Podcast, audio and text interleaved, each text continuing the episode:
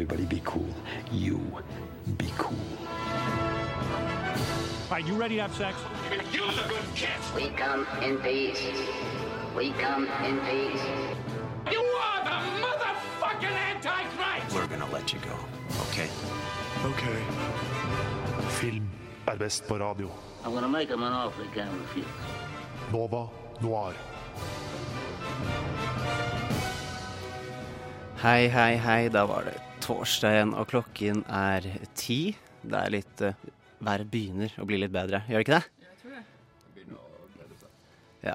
Uh, når vi er inne, så blir det bra ute. Typisk. Uh, eh, det er Vi skal prate om Oslo i dag. Ja, det Og det skal vi. jeg lyst til Eller norsk film er det jeg har lyst til å prate om. ja. Fordi du har sett 'Snømannen', Det har jeg. og det er jo ikke norsk film. Eh. Men eh, vi elsker jo når film Oslo. Blir, når, ja, når ting blir lagd her, Ja. så, bli, så blir jo nordmenn helt, eh, helt fanboy i buksa, ikke sant? Ja, ja, ja. Eh, det skjer hver gang. Til og med jeg blir litt sånn Og der har jeg vært. Der, der har åh, det er det Eh, beste jeg vet. Det, sånn kommer jeg til å sitte på Snømannen. Det er sånn Det er det å se Oslo på film. Spesielt, ja, veldig stas, med sånn amerikansk film, da, selvfølgelig. Det og det å snakke med folk som ikke er fra Norge, om hvordan det er å være norsk. Det er sånn det beste jeg vet Ja. i hele verden. Det- og sånn driver og fortelle om sånn ribbe og russefeiring og Og hvor rik vi er. Ja. Jeg tror veldig mange nordmenn liker å gjøre akkurat det. det er det beste. Uh, hei, forresten. Tale Hei, Ludvig! og Sondre. Halla. Og jeg heter Ludvig. Uh, og vi uh, Ja, vi bare Du lytter til Radio Nova. Jeg har sett på Matrix. Jeg så Matrix i går kveld, eneren. Wow! Uh, fordi jeg fant en veldig irriterende nyhet okay. som jeg skal komme tilbake til etterpå. Eh, og det var veldig gøy å se Matrix igjen. Ja, det jeg, tror jeg på. Jeg, har ikke sett den siden jeg var Jeg har lyst til å si 19, jeg. Så det blir fem år siden. Ja. Uh, og da syns jeg liksom effekten og sånn holdt seg ganske bra oppe. Jeg liker Jeg, jeg, jeg, jeg, jeg Så det er ikke en film du gidder å se on repeat liksom sånn annethvert år, liksom? Nei, gjør du? Ja. Ja, for du, du er glad i den, du òg. Ja. Veldig. ja. Det er Ja. topp det er topp ti, liksom. Er, du, er du sånn som meg, som er purist på at eneren er den eneste Matrix-filmen? Nei, det er jeg ikke. Du er ikke det? Nei. Nei, Jeg syns det er litt pompøst. Jeg er, litt, jeg er nok litt pompøs akkurat der. Toeren syns jeg er litt kul, og så Ja. treeren var litt, sånn, jeg var litt, eh, litt skuff. Ja, jo, jo. Men eh, ja, hva er ditt forhold til Matrix, da? Jeg er veldig glad i Matrix. Eh, jeg ser de med jevne mellomrom. eh, men ikke så ofte som Sondre. Jeg, jeg, jeg setter den liksom på linje med, med alle andre sånne der triologier. Jeg ser Ja, okay, heller den nei. framfor uh, Ringenes herre, Hva? liksom. Hva Ja. sa du? Jeg ser, jeg ser heller de tre framfor Ringenes herre, liksom. Ha. Eh, Merkelig. Dette kommer de- til å bli en interessant tre, sending, Og tror som trilogi Nei, nei, nei. nei. Men jeg er veldig glad i eh, den Animatrix. Har dere sett den? Eh, jeg kommer til å nevne litt grann etterpå. Ja, Eh, For det er jo sånn antologi er- ja, med sånne sånn er- kortfilmer. Ja, den har jeg også sett. det. Bare fra det universet. Har- den burde du jo se, da, Sondre. For den er dritbra. Det er forskjellige regissører og forskjellige eh, Ja, noen er animerte, andre er eh, Nei, alle er vel selvfølgelig animerte. Det, heter Ja, den var, det er ja, litt tidlig på morgenen. animert hele greia, det? For den er lenge siden jeg har sett òg. Tidlig hva har du sett på dette? da? Jo da, jeg har faktisk sett eh, hele sesong tre av eh, Fargo. Mm. Det var interessant og Hva, litt kjedelig. hvordan holdt det seg opp? Jeg har ikke sett det ennå. Så Har du ikke sett noe av det? Nei. Okay, jeg, jo, jeg, jeg- jo, av Fargo, jo, men Ja. ikke, ikke til sesong tre. OK, jeg syns den var kjedelig. Uh, jeg syns sesong to var den beste av de tre, faktisk. Uh, men jeg syns det ble liksom ikke nok som sto på spill, på en måte, for uh, karakterene i eh, sesong tre. Jeg syns ikke de var obnoxious nok. Fordi det syns jeg er selling pointet til Ja. hele Fargo. Fordi jeg liker jo at de bruker, de bruker jo ganske sånn nå bruker jeg hermetegn her, tregt grep. Det Ja. går litt treigt noen ganger, Ja. men grunnen til at det er så spennende, er fordi at det er så anspent hele Ja, tiden. I hvert er fall de to, fall de to første, da. Ja. Så jeg syns ikke det holdt uh, seg helt. Nei, det er trist å høre. Men jeg tror jeg må sjekke det ut. jeg, Ja, du må, man må jo det. Gjør Du det. da, Sondre? Jeg har endelig pint meg gjennom eh, Ikke pint meg gjennom, men jeg så endelig sesong eh, to av eh, Narcos. Mm. For jeg tenkte jeg skulle begynne å catche opp med sesong tre. Og jeg Ja, det er vel lov å spoile nå. Er det det? Eh, Jeg har ikke sett det, men jeg bryr meg liksom ikke, Jeg vil så- ikke spoile. Nei, OK, men la oss bare si Altså sånn der uh, Det var litt sånn der undervelmende all in all, så jeg liksom sitter igjen med en litt sånn sur følelse om jeg i det hele tatt skal gidde å se på det som bare er en cash grab at the moment, føler jeg. Uh, ja, jeg kan Jeg likte definitivt eneren bedre. Ja, Eh, det, det, det skulle jo egentlig nesten bare ha vært den ene sesongen, og så bare den skulle ha vært litt lengre, egentlig. Der er, jeg, der er jeg faktisk enig med deg, Ja. i motsetning til Matrix. Uh, ja, takk for innspillene, folkens. Uh, nå hører vi 'Closer' av Kaius. 'Closer' av uh, Kaius, Uh, og nå skal vi prate om uh, filmnyheter. Yeah. Yay! Jeg, jeg glemte den kule jinglen. Filmnyheter! Eh, jo, men nå skal jeg prate om den irriterende Hva er det sånn, da? Ingenting. Ja. Jeg er dritdårlig på å juble. Mm. Men eh, nå skal jeg, den derre irriterende Matrix-nyheten Ja, som jeg ti- ti- tisa i stad Gleder jeg meg. Jeg ble sur i går. Det var derfor derfor jeg ble inspirert til å se Matrix igjen. Men Zack Penn, som er Som blant annet har skrevet Avengers Han er sånn Triple A-skribent. Det er han som liksom Han har Uh, han har tatt på seg rollen som reboot-forfatter av Matrix, eller Reboot. han, han kaller det Han vet ikke hva det er selv. Uh, han, han tweeta i vilden sky for noen dager siden, hvor første tweeten sa han Så skrev han bare 'Matrix', punktum. Jeg jobber med noe. Og så Det er faktisk fett uaktuelt. Ja, det er Og så og så et, etterpå, så etterpå så tweeter han tre minutter senere. Jo, tre minutter senere. Nei, egentlig så er det ingenting. Jeg vet ikke hva det er selv ennå. Det, det høres ut som han har fått en jævla sint telefonsamtale fra Ja. et studio og bare You mother Det Høres sånn ut. Og kanskje tatt noen glass vin, eller jeg aner ikke. Og så begynner han å prate igjen om at uh, en skriveprosess betyr ikke filmproduksjon. Det er tweet nummer tre. Så her, Hva er det han loker OK, med? så enten så har han fått noe, et oppdrag, eller så er han bare litt pretensiøs etter noen flasker vin og noen øh, linere med cola, liksom. Det ja, uh, kanskje knows. begge, men det er jo det er bare rot. Og så har han uttalt, uttalt seg ekstremt vagt. Uh, og så var det og så var den siste tweeten, da. Ikke forvent dere noen spesielle skuespillere. Eller, noe så, eller, eller ikke, ikke forvent spesielle skuespillere enda. AKA, Ikke forvent noe. Ikke forvent Keanu Reeves. Er det. Ja. Ingenting å se her, ikke sant? Og så, nei, dette var Det var en blanding av flaut, og så ble jeg litt sånn Hva skal jeg føle nå? Ja. Kan jeg forvente mer Matrix, eller kan jeg ikke? Tydeligvis ikke? Eller sånn, ikke forvent skuespillerne, i hvert fall. Nei, men uh, Zack er eh, Nå er det navnet lagt for meg noen dager. Ja. Uff, har dere noen nyheter, eller? Jeg Hoi, jeg ble litt uh, satt ut, jeg nå. Ja, det var Uh... ja.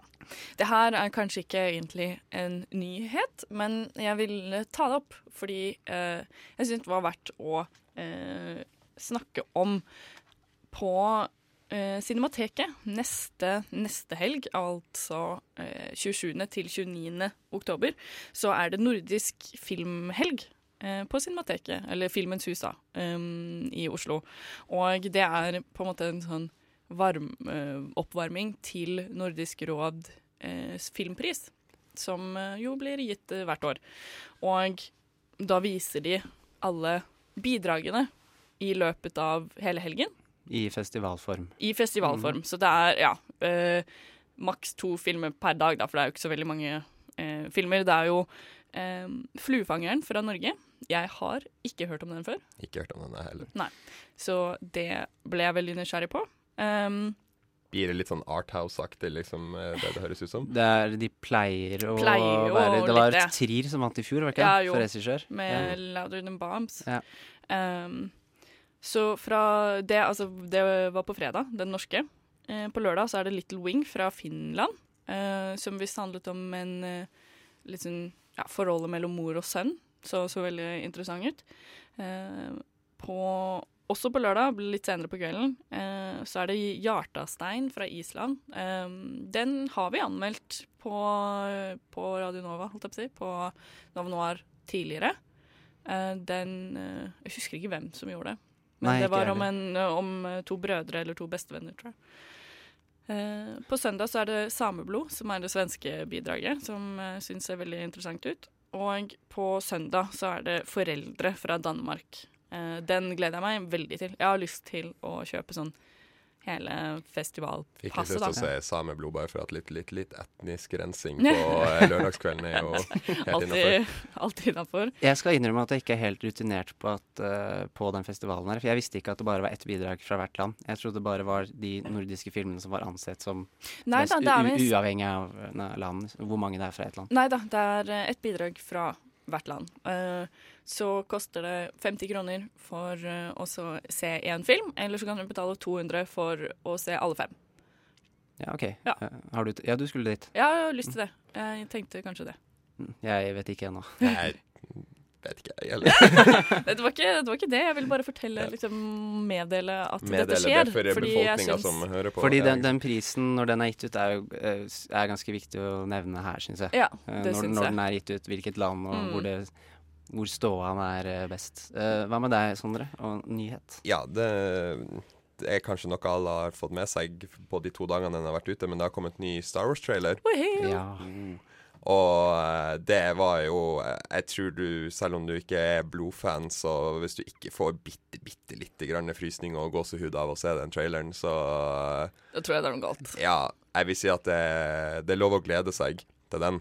Nå, nå kan du få lov å bli litt hypa, du får lov å eh, bli Ja. litt excited. Det, er, det var Hype train is, is moving. Ja, definitivt. Vi, vi satt jo vi tre og så den sammen bare for noen minutter siden. Mm. Uh, og da merka jeg at vi tre kanskje har litt forskjellig forhold til Star Wars basert på reaksjoner. Altså i stigende rekkefølge. Ja, vi- ah, ja, så er det vel jeg som er minst engasjert i serien, selv om jeg liker den. Og så Ja, deg, Sondre, og så Tale. Ja, ikke sant. Tale har jo til og med R2D2 på leggen. Jeg så- holdt på å begynne å grine, liksom. Ja, Sånn ja, det kom noen lyder Åh. til min venstre. Liksom. Ja, det kom, det kom litt sånne her uh, ting som burde holdt seg i soverommet-lyder, Oi, liksom. Yes. Det jeg var så hyggelig. Eller? Jeg ble gira, i hvert fall. Men så er det eff effektene, da. Jeg prater veldig lite om filmeffekter, egentlig, men bare traileren viser liksom her er det kjempebra, liksom. Og det, og det er liksom sånn Det er bra på det, til det nivået at det ikke bare er et sånn der effektrunk, liksom. Det var, det var virkelig bare alt fra lyden fargene, til fargene og ah, Jeg får frysning faktisk bare av å tenke på hvor fantastisk det der kommer til å bli. Ja. Jeg tror det blir sjukt bra, faktisk. Mm.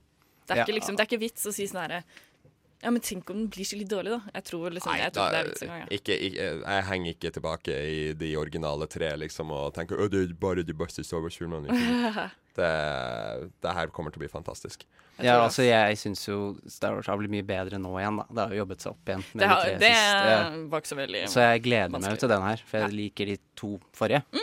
Eh, så jeg er solgt, liksom. Ja. Uh, det er vel dere to òg. Så får vi bare se om vi får en ny Jar Jar Binks, eller uh, hva som skjer. Ja, vi, det var noen nye sånne creatures Ja. i traileren. Det var et lite rart dyr der Ja. sammen med Chewbacca. Det kan hende. Den var cute, liksom, men Mm. you'll never know. We'll, jo, i Jo. desember, så vet Jo, jo. OK, ikke aldri, da. Men Og vente til en tidlig julegave for å få vite det. Takk for bidragene, folkens. Nå hører vi legeavtale 17.8.97 av Bisse. Sliter du med å bestemme deg? Nova Noir hjelper deg å ta de viktige valgene. Skrekk eller komedie? Drama eller thriller? Splatter eller humor? Kostymedrama? Eller sci-fi? Vi guider deg gjennom et hav av beslutninger. Nova Noir presenterer ukens anbefaling. Brazil er en dystopisk liten greie fra 1985 lagd av Monty Pythons Terry Gilliam. Eh, og nå skal vår journalist Julie Oskar Andersen prøve å overbevise deg hvorfor du burde se akkurat denne filmen. Brasil, laget i 1985, er alt du kan ønske deg i en sci-fi-dystopi.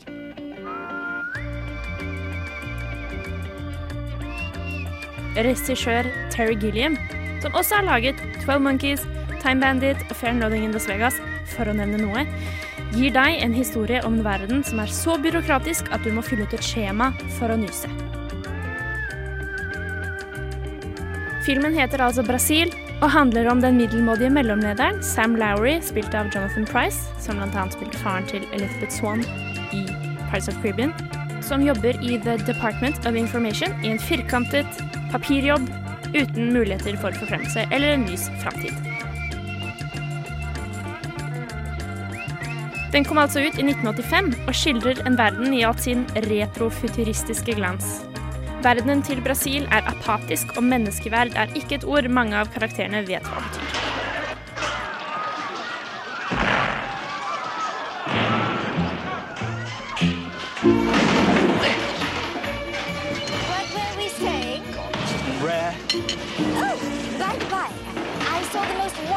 Idea for Christmas presents at the chemist. Gift tokens. Medical gift tokens. Oh, that sounds marvelous. It's good at any doctors and most of the major hospitals. It's also accepted for gynecological examinations, including cesarean section. Byron. I don't know what to say. Never really happened to us. I'm going to do something about it straight away. Really, Sam? Won't you do something about these terrorists? It's my lunch hour. Besides, it's not my department. En dag oppdager han en grusom feil, som får til følge at en uskyldig familiefar blir arrestert og torturert før han blir henrettet av staten. Du vet, som enhver god dystopisk stat skal. Sam får i oppgave å levere en sjekk til den farløse familien, og får for første gang sett hvor grusomt og feilbarlig systemet er. Um, it's a refund, actually. There was a mistake. Mistake. Yes, yes, not my department, of course. I'm only records. No, it, uh, I'll tell you what it is. It seems that Mr. Buttle was overcharged by information retrieval. Yes, they don't usually make mistakes, but, uh, well, I suppose we're all human. Det er en film som ikke tar seg selv så alvorlig, og tør å bryte med dystopiformelen og gjøre sin egen greie. Den byr på noen absurde sekvenser og klassisk kvikk britisk dialog. Noe av det beste med filmen er ikke at historien i seg selv er så banebrytende, men heller samfunnet Terry Gilliam har skapt, og dets fascinasjon over luftrør og airconditionanlegg. Hvis du ser filmen, så skjønner du hva jeg mener. You had that scab Charlie, aren't you? What are you talking about?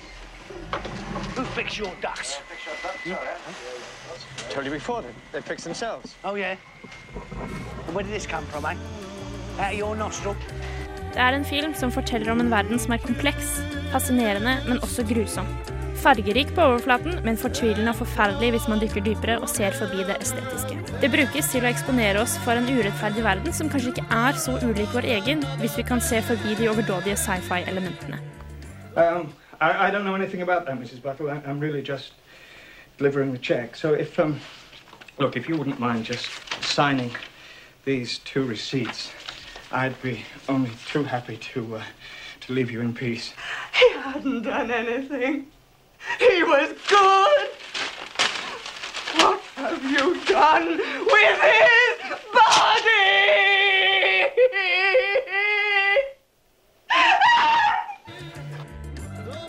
Du tenker kanskje å, enda en dystopi med skumle departementer og en skummel stat. Minner meg ikke om en annen klassisk dystopi. Kremt 1984. Men jeg lover deg at Brasil er mer fantastisk, fargerik og fantasifull enn 1984. Den er sin egen fortelling og bruker andre virkemidler for å formulere et dystopisk samfunn, og det er en ny vri på en ellers, i hvert fall nå da, godt brukt sjanger. Terry Gilliam bruker bare forventninger mot oss. Og siden den kom ut i 1985, kan den ikke akkurat gjemme seg bak CGI-effekter og fine farger. sånn som Ghost in the Shell, for eksempel. Men tyr heller til substans og vittige observasjoner. Do you remember Alison? Evening. Alison. Sam Larry, old friend. Alison, yes, of course. Well, you look different. Well, I'm two years older. And she's been to Dr. Jaffe. She doesn't like me telling people, but in fact, she's really pleased. I knew there was something different. Remember how they used to stick out? What? Oh, yes. Uh, well, rather. Always used to wonder if they were real. What, my ears? Det gjelder å innfinne seg og bli et offer for samfunnets forventninger, eller føre byråkratiets vrede. Brasil ser ut som den er inspirert av steampunk, hvis det var satt på midten av det 20. århundre. Steampunk møter diesel og elektrisitet, og estetikken brukes til å formidle hvor overflatisk og apatisk menneskene har blitt. Det er en verden der terroristangrep skjer daglig, moren din ser ut som hun er yngre enn deg, og staten kan kidnappe eller arrestere hvem de vil, uten lovlig grunnlag. Michael Palin er også med, som om det ikke er grunn nok i seg selv. Ta en titt. Jeg anbefaler altså Brasil av Terry Gilliam. Bare se den, da. Kom igjen. Ikke vær teit. Nova. Radio Nova.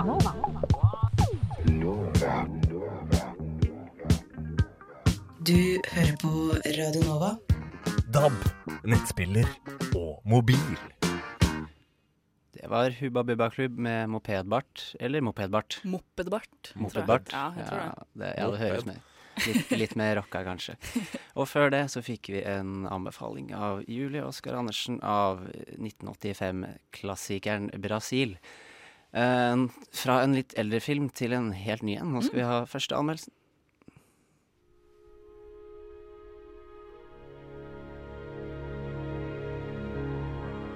Nova Noir presenterer ukas kinopremierer. Fordi Tale, du har sett eh, Hva vil folk si? Det har jeg. Riktignok i eh, forrige uke, men eh, det passa seg uh, Vi tar det nå, vi. Vi tar ta det. nå. Uh, skal vi se. Hva vil folk si? Eh, handler om Nisha. Hun er 16 år, og når hun blir eh, fersket med en gutt på rommet sitt, reagerer faren med å sende henne tilbake til hjemlandet, Pakistan, som hun ikke har noen tilknytning til. Gratulerer med dagen, pappa! Min datter.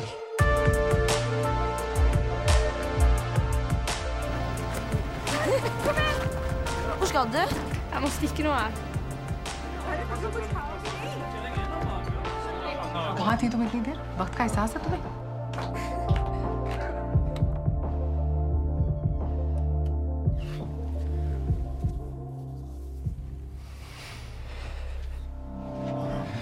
ज्यादा कर खाओ नहीं नहीं नहीं नहीं चाहिए तुम्हारी जैसे बेटी मुझे ऐसी सजा देता वरना हम तो किसी को मुंह दिखाने के काबिल नहीं रहेंगे हम कहाँ जा रहे हैं Jeg får inntrykk her at kulturclash er et viktig tema. Det er et nøkkelord, ja. Um, det er altså Iram Haq som har uh, regissert eh, Hva vil folk si? Og så vidt jeg har skjønt, så er det mm, litt basert på hennes egen historie. eh, fordi hun ble sendt tilbake til Pakistan da hun var ungdom, av foreldrene sine. Um, og det er ofte et tema, føler jeg, i, uh, i filmer som handler om kulturkrasj. Uh, kanskje spesielt med uh, norsk-pakistanske ungdommer og sånne ting. Eh, det skal vi snakke litt om senere også. Ja, faktisk. faktisk. Um, men det er um, en veldig Hva vil folk si? En veldig spennende og vanskelig film å se, for du blir liksom konfrontert med litt følelser og kanskje også litt sånn Samfunnsmessige spørsmål, kanskje. Ja, og litt sånn fordommer du ikke egentlig vil eh, innrømme at du har, kanskje. Og litt sånn Sånne latente fordommer som vi alle bare har fått trykt over hodet uten at vi Ja, og som jeg kanskje sånn helst har lyst til å si at jeg ikke har, på en måte. Men hvordan blir eh, denne historien her eh, fortalt? Ja. Det er fra Nisha sitt perspektiv. Det er eh, spilt av Hun er spilt av Maria eh, Mosta, eh, som debuterer Dette er den første rollen, eh, spillefilmrollen hun har. Eh, Ble du imponert? Jeg ble veldig Mm. imponert. Eh, såpass at det faktisk ikke gjør så mye at eh, hun er den eneste i familien sin som har Kristiansand-dialekt, og litt sånne ting. Nei, altså, er det sånn? Shit. Fordi de er, bor jo i Oslo, så vidt jeg har skjønt, og altså Gikk sikkert på barneskolen, vet du. ja, det er ikke så farlig. Sånn, faktisk, det blir liksom mindre viktig med sånne ting, fordi hun spilte utrolig godt, og hun Nei, åh, det var uh, veldig, veldig sterkt uh, å se. Føler du at hun uh, Irem Hakk, har vært litt utleverende, kanskje? Altså Det- på, på en god eller bra måte Nei, på en dårlig eller god måte. Ja, man merker at det her er personlig for henne. Um, og jeg liker tittelen så godt. Altså, hva vil folk si? Det er Uh, hun har, eh, Iram Haq har sagt selv at det er en veldig sånn holdning da, som er inkorporert veldig i den pakistanske eh, kulturen. Og Altså, jeg kan kjenne meg igjen i ja, den- ja, den jo, tittelen, liksom. selvfølgelig. Ja, ja, ja. Men kanskje mer enn eh, det, vi, eh, det vi er vant til. Og, Ja, for det spiller litt mer på ære og sånn. Veldig mye mer, og at hele familien er liksom sammen om å ha et sånn felles eh, Felles ære, på en måte. Så at hvis én person i familien gjør noe Ja. dumt, så ødelegger det for alle de andre. Nå kan ikke vi gå ut lenger, nå kommer ikke de til å invitere sånn Etter hvert da, så slutter de å bli invitert til eh, fester eller bryllup eller liksom sånne ting, da. Eh, på grunn av at eh, Ja, Nisha æra er krenka, liksom. Ja, på Mm. grunn av at Nisha ble forelsket i en gutt. Ja, men altså denne forskjellen mellom norsk og pakistansk kultur, eh, føler du at eh, de blir satt opp mot hverandre, eller eh, blir satt ved siden av hverandre og på en måte analysert sånn sett? Eh, mer kanskje ved siden av hverandre. Eh, Eller altså sånn Er den veldig dømmende mot en av sidene, eller begge, eller Nei. Nei, jeg, jeg, Altså, ikke Den er, den er litt sånn matter of factly, kanskje, og Eller altså sånn Det er jo tungt og sterkt å se, eh, og det er jo selvfølgelig litt Eller det er jo blir jo det er jo ting som vi Døm. kanskje kan dømme fra Ja. vestlig perspektiv uansett, men Ja. jeg, jeg har jo bare sett traileren. Ja. Men selv ut ifra det så syns jeg det var liksom Det hinter jo til at den blir litt mer sidestilt etter hvert. Ja, men for å være ærlig så er traileren veldig misvisende. At den er det? Ja.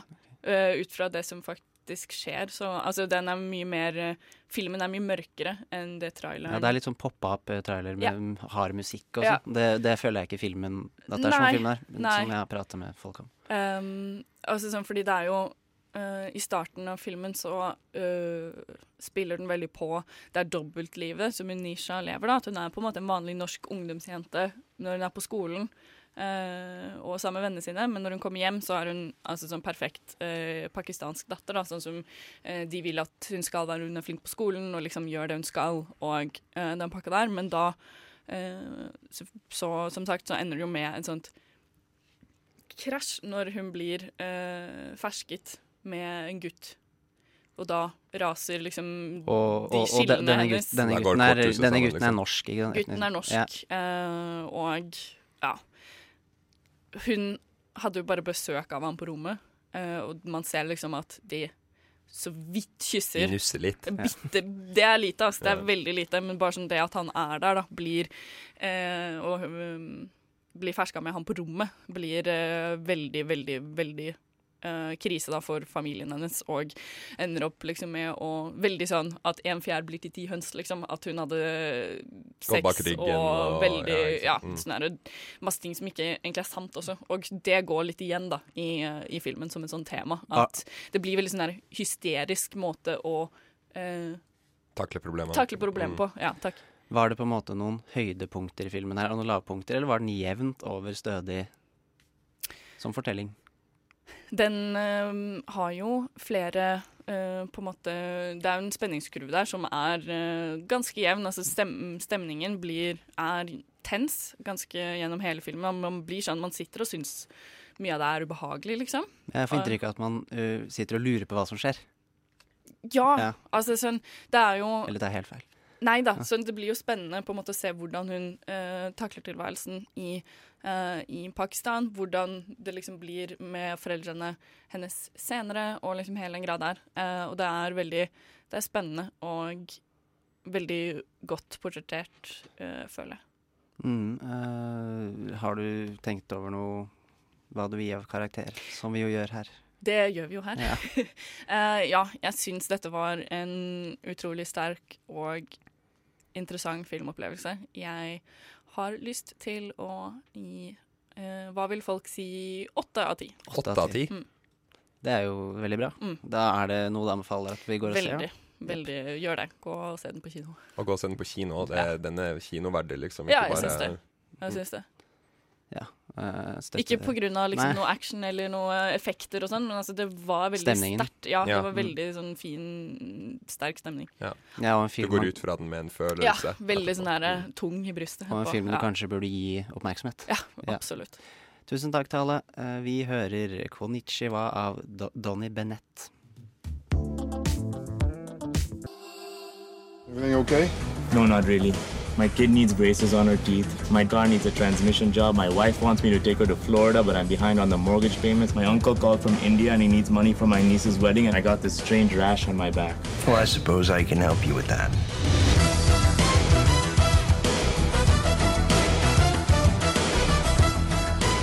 Nonar gir deg de riktige rådene. Konnichiwa hørte vi. Uh, vi skal høre en anbefaling til, vi. Vi fikk eh, Brazil i stad, fra 85. Uh, nå skal vi enda lenger tilbake i tid. Til 1967, og føre en anbefaling av filmen Liv. Åh, for en merkelig dag. Kjenner jeg ham? Nei. Hvor lenge har du kjent ham? I to dager. Har du ligget med ham? Syns du jeg er umoralsk? Nei. Jeg syns du er ufornuftig. Filmen 'Liv' fra 1967 var debutfilmen til Pål Løkkeberg, som med denne filmen ble regnet som selve frelseren innen norsk film. Han er kalt den første norske filmmodernisten, og var tydelig inspirert av den franske nybølgen. Senere skulle Løkkeberg brått forsvinne fra den norske filmscenen, grunnet noe som i samtiden ble omtalt som de middelmådiges hevn. Der, er en lekker alt. Andre veien litt over mot, litt over mot den. Ja, lekker, flink pike. Nå kan du skifte, så tar vi Trude i den hvite. Liv er en episodisk strukturert film og tar for seg en dag i livet til Liv. Liv er 20 år gammel og modell, og gjennom samtaler med kollegaer, familie og kjæreste får vi innblikk i Livs jakt på det meningsfulle med tilværelsen. Den eksistensielle tematikken kommer til uttrykk både gjennom dialogen og gjennom filmspråket i ekte modernistisk ånd. Litt synd er det derfor at lyden er såpass dårlig, men det var også prisen for å filme utenfor studio. Handler ikke landet være flere stakkars mennesker? Det kan hende hun er ordentlig syk. Ja, Eva, multidon. Jeg orker ikke høre mer henne, Eva. Hun må da få lov å leve sitt eget liv. Hun kan ha problemer, hun også, som alle andre har. Nei, men, men jøss, nå begynner du også, da. I tillegg til tematikken var Liv en sjeldent nyskapende film i Norge ved at den lekte med filmatiske konvensjoner. Vi får spontane flashbacks og leker med historiefortellinger. Men mer sentralt byr filmen på et filosofisk skråblikk på et mannsdominert samfunn og på kjønnenes sosiale roller. Gi faen i månemennene dine, forstår du? Jeg gir faen i dem. Enten de har larveføtter eller sugeskåler eller kalosjer på seg når de svever omkring der ute. Det tomme rom, hva er det for noe, da? Hva er det som er så tiltrekkende ved det tomme rom? Jeg syns det er tomt nok som det er her, jeg. Her hvor du sier at det ikke er tomt i det hele tatt. Det er du som sier alt mulig bestandig. Aftenposten var fra seg begeistring for dette nymotens verket. Er det mulig, skrev de, har det virkelig skjedd?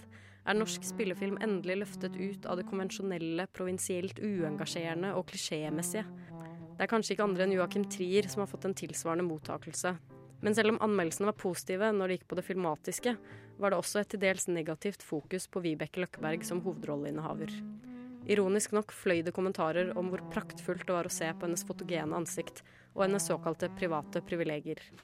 Det hun sa, var derimot ikke like velkomment. Innenfor hjemmets muntre vegger kan hun sikkert, som de fleste unge piker, komme med rare, umotiverte utbrudd om verden og livet. Man må bare utvise litt forsiktighet når det gjelder å lansere dette som replikker i en film, skrev Dagbladet. Poengene til Løkkeberg gikk åpenbart hus forbi. Det er ikke noen dukke dere kan gå rundt og kle av. Viktigere? Ja, men ålreit, ålreit. Hvis hun syns det er viktigere å ligge hjemme og tylle seg hodepintabletter istedenfor å komme og gjøre en skikkelig jobb, så gjerne for meg, eller hva faen Du kan ikke dømme hva som er viktig for et annet menneske. vel? Det som er viktig for deg, det behøver ikke være viktig for henne. Med Liv ble Pål Løkkeberg en stor inspirasjon for unge filmskapere. Han var med på å endre kursen noe innen norsk film. I 1970 tok Pål Løkkebergs regikarriere brått slutt da han ble nektet støtte til sitt tredje filmprosjekt, hvis manus han hadde skrevet sammen med Jens Bjørneboe. Dette avslaget er i nyere tid blitt omtalt som det store sviket i en artikkel av Kjetil Ismoen.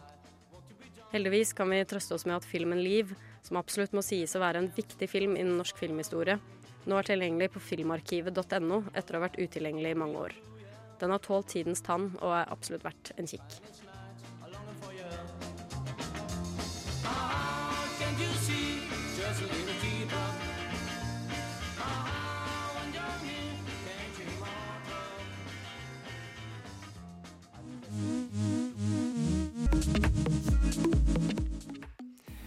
Du hører Weird av uh, 123 MRK. Uh, nå skal vi skamme oss litt. Jeg er egentlig helt enig. Det minner meg egentlig om Goodfellas. Å ja, den har jeg ikke sett, faktisk. Å, du har ikke sett Goodfellas? Hva med Gudfaren, da? Nei, nei, jeg tror ikke det. Du har ikke sett Gud... Uh, hva med Fight Club, da? Mm, nei. Vent, jo, nei, jeg har ikke sett den. Jeg er ganske sikker på det. Ok, Du må ha sett The Good, The Bad and The Ugly. Hva er det med stygg? Unnskyld. Hva med Pulp Fiction? Har du sett Pulp Fiction? Jeg er ikke så glad i appelsinjuice med fruktkjøtt, så nei, jeg er ikke så fan. Herregud. Um, hva med Citizen Kane, da? Du må ha sett Citizen Kane. Å, er det han som er, han som er sammen med hun, hun kjendisen? Er det, han, er det de som er gift? Å, å gud. Vi har en jobb å gjøre. Pile of shame. Pile of shame. Pile of shame. Det er på tide med Pile of Shame 1. Norwegian edition, faktisk. Oh, yes. For det er to norske filmer, og begge dere to har sett en norsk film hver. Det har vi. Og vi hopper bare rett på Sondre, for du er først ute. Og du har ikke sett den jeg vil kalle det en av Norges største filmer, kanskje. Oslo 31. august. Nei, inntil i går hadde jeg jo eh, heldigvis Ja. ikke sett den. Ehm, Ja, for nå har du jo sett den. Ja. ja det er sånn eh, det funker. Men uh, i, i går så spurte jeg deg på hva du tror om før, i forkant. Mm. Så la oss høre det. Ja, Sondre, jeg har jo bedt deg om å se Oslo 31. august, men før du gjør det, hva er det du tror om filmen? Jeg tror ærlig talt det er en eh, litt overpompøs uh, artsy norsk film om en sen sommerdag i Oslo. Oi, oi. Det er, ja, det er, noen vil kanskje se det på det som litt, eh, en litt kontroversiell mening.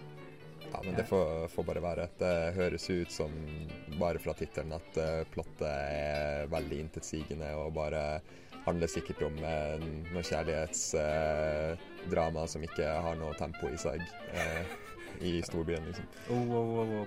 OK. eh, tusen takk, da. Nå gleder du deg til å se den? Den høres ikke sånn ut. Nei, det er jo ikke det. OK. Takk, Sondre. Og hva Ja, representerer dette deg enda? Til dels. Til dels. Eh, jeg eh, kan backtracke litt på at jeg ikke var like pompøs som jeg trodde, men jeg syns eh, den Jeg ble ikke imponert. Det var ikke sånn der at 'Å, herregud, det her er den beste norske f- eh, filmen som noensinne er laga'. Hvorfor har ikke jeg sett det her før? liksom, 'Where has this been in my life?' Um, Det er det absolutt ikke. Men, uh, men til sammenligning, hva, hva syns du kanskje er den beste Ja. norske filmen? Oi. Nå er jo ikke jeg en blodfan av norsk film. Jeg syns det- det er liksom det første de siste årene det har plukka seg opp. Ehm, men liksom bare Jeg vil faktisk sette Thelma over den her, sånn ren kvalitetsmessig som film. Ehm, fordi at Så Trier er en gjenganger. ja. ja, altså han er jo en flink regissør, men eh, jeg synes at konseptet rundt Oslo 31. august Altså, det er veldig lett å spille på å være miserabel. Jeg syns det egentlig er Altså, den tomhet og, og alt sånt der. Sånn konseptmessig så syns jeg det var like pompøst og skuffende som jeg så for meg. Jeg er enig med at uh, sånn mental helse og sånn kan lett bli bagatellisert er i film, og at det er der- veldig mye av det. Men uh, jeg er helt uenig med deg at filmen er dårlig. Men, nei, nei, eh, nei, jeg syns ikke at filmen var dårlig. Det, det er ikke Nei, det jeg prøver okay. å si. Det, er- men den var ikke Den levde ikke opp til det hypet som uh, flere av eh, jeg, håper eh, prøvde å mate Men forhånd. jeg føler det er litt av det som på en måte er poenget med filmen. da At det skal være litt sånn uh, le, Åh, det er litt sånn jeg føler det er litt vanskelig å få At det skal være miserabel, liksom? Å se på det. Nei, men at det skal på en måte være litt teit, da, hvis du skjønner. Eller at Mm. ting ikke egentlig er så enkelt som noen skal ha det til. Og at Nei. det er litt sånn derre jeg, jeg banalt, egentlig, Ja. alt sammen. Du Jeg- skjønner jeg- hva det, jeg mener? det, var, det var et par scener som liksom sånn her For jeg satt jo og så den klokka Hva var det? Klokka ett, eh, halv tre i natt. Eh, og da hadde jeg jo en sånn der liten eh, periode der den bare traff meg litt grann i magen. Jeg bare sånn der øh, jeg følte meg, følte meg, meg nesten like skittig som han. Mm. Ehm, Jeg tror det er det den prøver å gjøre. ja, ja, ja, ja, den skal jo bryte deg ned, og det, men det var kanskje ikke i de scenene som der det var, var forventa, for det var jo under den, den scenen der han var på det ravet.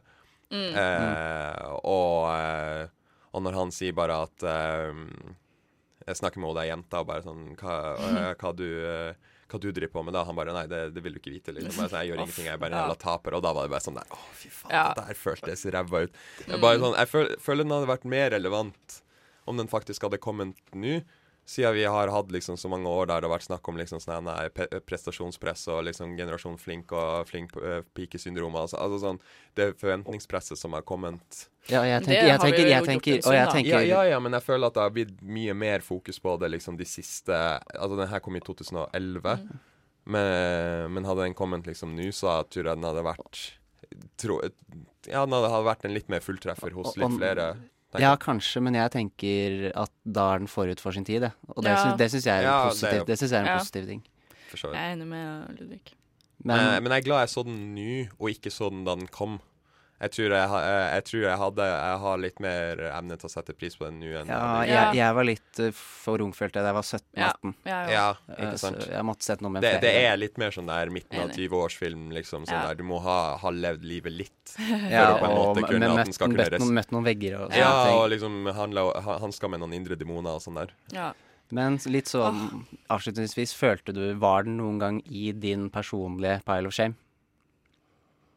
Nei. Nei, du tenkte aldri at det er Å, faen, jeg Jeg har tenkte, sett den. nei, jeg tenkte aldri at Så det er vi som driver og dytter den shamen på deg, da. Ja, det var jo det, siden vi var inne på norsk film. Men som jeg sa innledningsvis, liksom, jeg har aldri vært noen blodfan av norsk film. Mm. Så det er derfor den aldri har havna helt direkte i min file of shame. Men nå slipper du å skamme deg lenger, Sondre. I hvert fall. Ja. Det var Ja, takk for inputen, Sondre. Mm. Det var liksom vår inngang til norsk film som det liksom skal være videre i sendingen nå. En time framover cirka, og med det så hører vi Oslo of the Dogs. And the brandy, don't let me finish, can now be heard. Okay. I'm not fucking finished in the back of the voice and the voice now. Will, I've still not finished. Nova Noir. Vi er ikke ferdige ennå. I can't go fast because Michael Caine talks very, very slowly. Det stemmer, Michael Kane. Vi er ikke ferdige ennå. Eh, du har også sett en film, en Oslo-film. Og vi- du, du nevnte i stad at vi kanskje vi pusha litt eh, på Sondre i stad at, det at Oslo 31. august var en, uh, var en film Ja. Og det ble litt sånn ufrivillig i går at dere pusha Ja. på en på hverandre. Ja. Jeg Fordi- pusha den på Sondre. Ja, og Sondre pusha Issat på deg. Det gjorde han. Og det var litt overraskende at du ikke hadde sett den, for det, det føler jeg er sånn greie som, fall, som folk har sett. Ja. Av en eller annen grunn tenker Ja. jeg at det er en norsk film folk har sett. Og i likhet med Sondre så spurte jeg jo deg i forkant i går, før du så den, hva du tror den handler om, og hva forventningene er. Ja, nå har Sondre fått gjennomgå litt Pile of Shame. Eh, nå er det din tur, Tale. Ja, det det. det er jo Sondre som har tvunget deg til å se film. Ja. Og han har tvunget deg til å se Isot, så den, den har ikke du sett. Den uh, har ikke jeg sett. Så da spør jeg det samme som jeg spurte Sondre om i stad. Hva er dine forventninger før du har sett den? Uh, jeg eh, vet jo veldig lite av hva, om uh, hva jeg går inn i. Jeg har ikke sett trailer, jeg har ikke jeg tror jeg har sett coveret en gang, for lenge siden. Uh, jeg tror det er litt sånn derre gritty eh, undergrunns gjengemiljø, kanskje, i Oslo. Eh, og litt sånn herre at en fyr eh, havner på eh, Havner i noe trøbbel med noen sånn gangstere, kanskje, og at han liksom ender opp med å jeg vet ikke, skylde de penger, eller sånn står til gjeld til dem, da, kanskje. Sånn at eh, de har noe på ham. Så følger vi han gjennom eh, Oslos gater, eh, og eh, blir litt sånn skyting og sånn, sikkert. Ja, det hørtes jo litt halvveis reflektert ut. dette Jeg, jeg, har tenkt, jeg har tenkt litt på det her, jeg gleder meg veldig til å se den. Ja, du hadde tenkt mer enn Sondre. Jeg gjør som, eh, som oftest det.